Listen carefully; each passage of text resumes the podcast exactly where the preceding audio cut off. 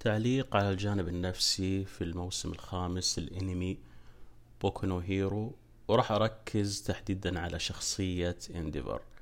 لكن في البداية لابد آه، أؤكد على أن عندي قاعدة أو مبدأ في الحياة وهو أن الأشياء الصغيرة تدل على الأشياء الكبيرة. فمش عيب أننا ممكن نسقط أحداث القصص الخيالية مثل الأنمي على الواقع اللي نعيش فيه. لأن الكتاب أصلا كل أفكارهم بتكون نتاج الواقع. أنميات الشونين مثلا غالبا تتركز حول صراع الخير والشر والصداقة والعداوة وتحقيق الطموحات والأحلام والأمل واليأس وغيرها من المفاهيم الواقعية. صحيح أنهم يستخدمون وسائل غير واقعية لإيصال هذه المفاهيم لكن المهم أن الفكرة نفسها أو الفكرة الأساسية هي فكرة واقعية. بوكو هيرو في الموسم الخامس صور مفاهيم واقعية عظيمة جدا. أرى خسارة كبيرة أن نتجاوزها بدون ما نستفيد منها أو على الأقل نتعمق فيها. شخصية إنديفر الشخصية شفناها من الموسم الأول. وأي متابع على طول بياخذ انطباع أنه مجرد شخص يسعى للقوة وسبب هذا السعي هو وجود عقدة من تفوق أول مايت كالبطل رقم واحد. استمر هذا الهوس ولما أيقن أنه غير قادر على تجاوز أول مايت قرر أنه يورث هذا العبء لأبنائه. فتزوج واحدة بناء على نوع قوتها فقط لأن نوع قوته يحتاج قوة مضادة مثل الجليد حتى يتغلب على بعض الآثار السلبية. كانوا أبناءه مثل التجارب حرفيا. وكانت التجربة الأخيرة هي الناجحة اللي هو تودوروكي شوتو. وإنديفر قالها صراحة لما كان يدربه أنه إخوانه من عالم مختلف بالنسبة له يعني كان يقصدها كاحتقار لهم. هذه باختصار كانت نظرته للعائلة مجرد وسيلة لتحقيق غايته. اللي يشوف شخصية إنديفر هو فعليا بطل يقضي على الأشرار. يحقق الأمان والسلام. هذه مهمته كبطل.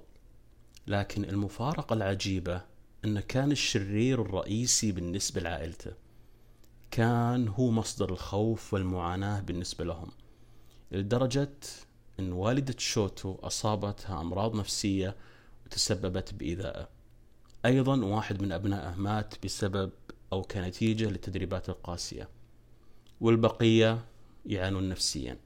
هذا غير أن سلبهم أوقات مستحيل تتعوض أنهم يعيشون كأسرة سعيدة مين كان يعتقد أن عائلة البطل رقم اثنين كانوا يعيشون هكذا رعب هل أحد فكر أنه ينقذهم؟ هل أحد فكر أنهم أصلا كانوا يحتاجون للمساعدة؟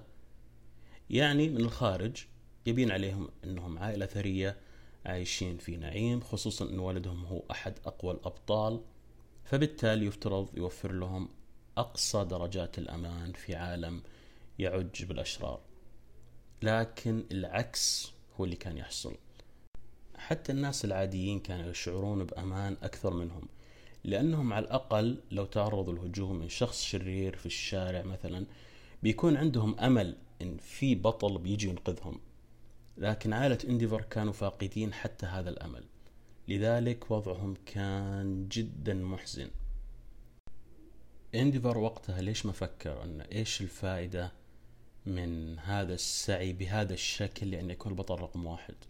وإذا تحقق هذا الهدف وبعدين؟ وليش ما رضي واقتنع أن هذه حدود قدراته؟ وأنه مستحيل يتفوق على أول مايت هذا كان بجنب عائلته معاناة ما كان لها أي داعي. وهذا الموقف نقدر نسقط على الواقع أن الإنسان لابد يكون قنوع. وإذا أي شيء كان يحلم فيه ما تحقق لأي سبب فلا يصير هو كل تركيزه. وهذا مش ضد الطموح. اطمح وابذل واسع لكن كن قنوع وواقعي. وبعدين إيش اللي صار؟ انديفر صحى فجأة بعد قتاله مع النومو لأنه ذكر بنفسه كيف وعرف كيف كان طريقة خاطئ لكن بعد إيش؟ حاول بكل جهده إنه يتقرب لعائلته لكن محاولاته باءت بالفشل. صارت العائلة اللي كانت بالنسبة له مجرد وسيلة لتحقيق غايته هي الغاية نفسها. لكن الصحة متأخر جدا. ما يقدر يعيد ابنه اللي مات ولا يقدر يمسح الذكريات والمواقف السيئة اللي سببها. وأشوف الكاتب أبدع بتصوير الصراع النفسي اللي كان يعيش فيه وقتها. وكيف فجأة أصبح حنون وكل همه يعيش وقت سعيد مع عائلته كأي أب. لكن لما أدرك هذا أنه مستحيل يقدر يحقق حتى هذا الشيء البسيط قرر يسوي أفضل شيء ممكن أنه يحققه وقتها وهو أنه يبتعد عنهم ويتركهم يعيشون مع بعض. هذا كان أقصى شيء يقدر يسويه لكن للأسف ما راح يجد السلام الداخلي. وهذا نقدر نسقط على الواقع أيضا بأن الإنسان ممكن حاليا يسيء لعائلته سواء والديه إخوته شريكه أبنائه أصدقائه زملائه أو حتى الغرباء. وممكن يكون ضمير نايم أو ميت حتى ولا يهمه أي شيء يسويه. لكن عشان نفسه على الأقل مو عشان الخير أو الشر عشان نفسه لابد يحسب حساب أن ضميره ممكن يصحى مستقبلا. وفي وقت يفوت فيه أوان أنه يصلح أخطاءه نعم الحياة تعطي فرص لكن فرص ما تستمر للأبد. وممكن الأشياء اللي ما تهتم لها حاليا وتضيعها تكون أو تصبح هي أقصى اهتماماتك لاحقا.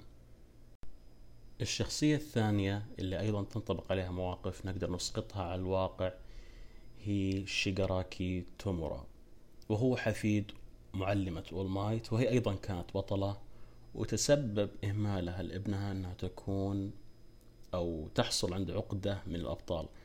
فصار يعنف ابنه عشان لا يجيب يعني حتى طاريهم نعم ممكن نقول إن والد شيغاراكي هو أصلا عنده خلل لذلك بالغ بردة الفعل. آه، لأن والدته واضح عليها أنها ما كانت يعني عنيفة أو سيئة مثل شخصية انديفر لكن هذا أيضا لا يخليها من المسؤولية. لأن إذا كان عنده خلل فهو كان يحتاج اهتمام أكبر. وبالتالي كانت تقدر تمنع نتيجة مقتل ابنها وعائلته وتحول حفيدها كبيدق للشرير في القصة. حتى المشهد كان معبر جدا لما تذكر ابنها أنها تتمنى حياته تكون مليئة بالابتسامة وفي لحظتها كان ابنه يقتله وباقي عائلته. وهذا ينبهنا الموضوع إنه مو شرط تصرفاتنا السيئة هي اللي فقط تضر اللي حولنا.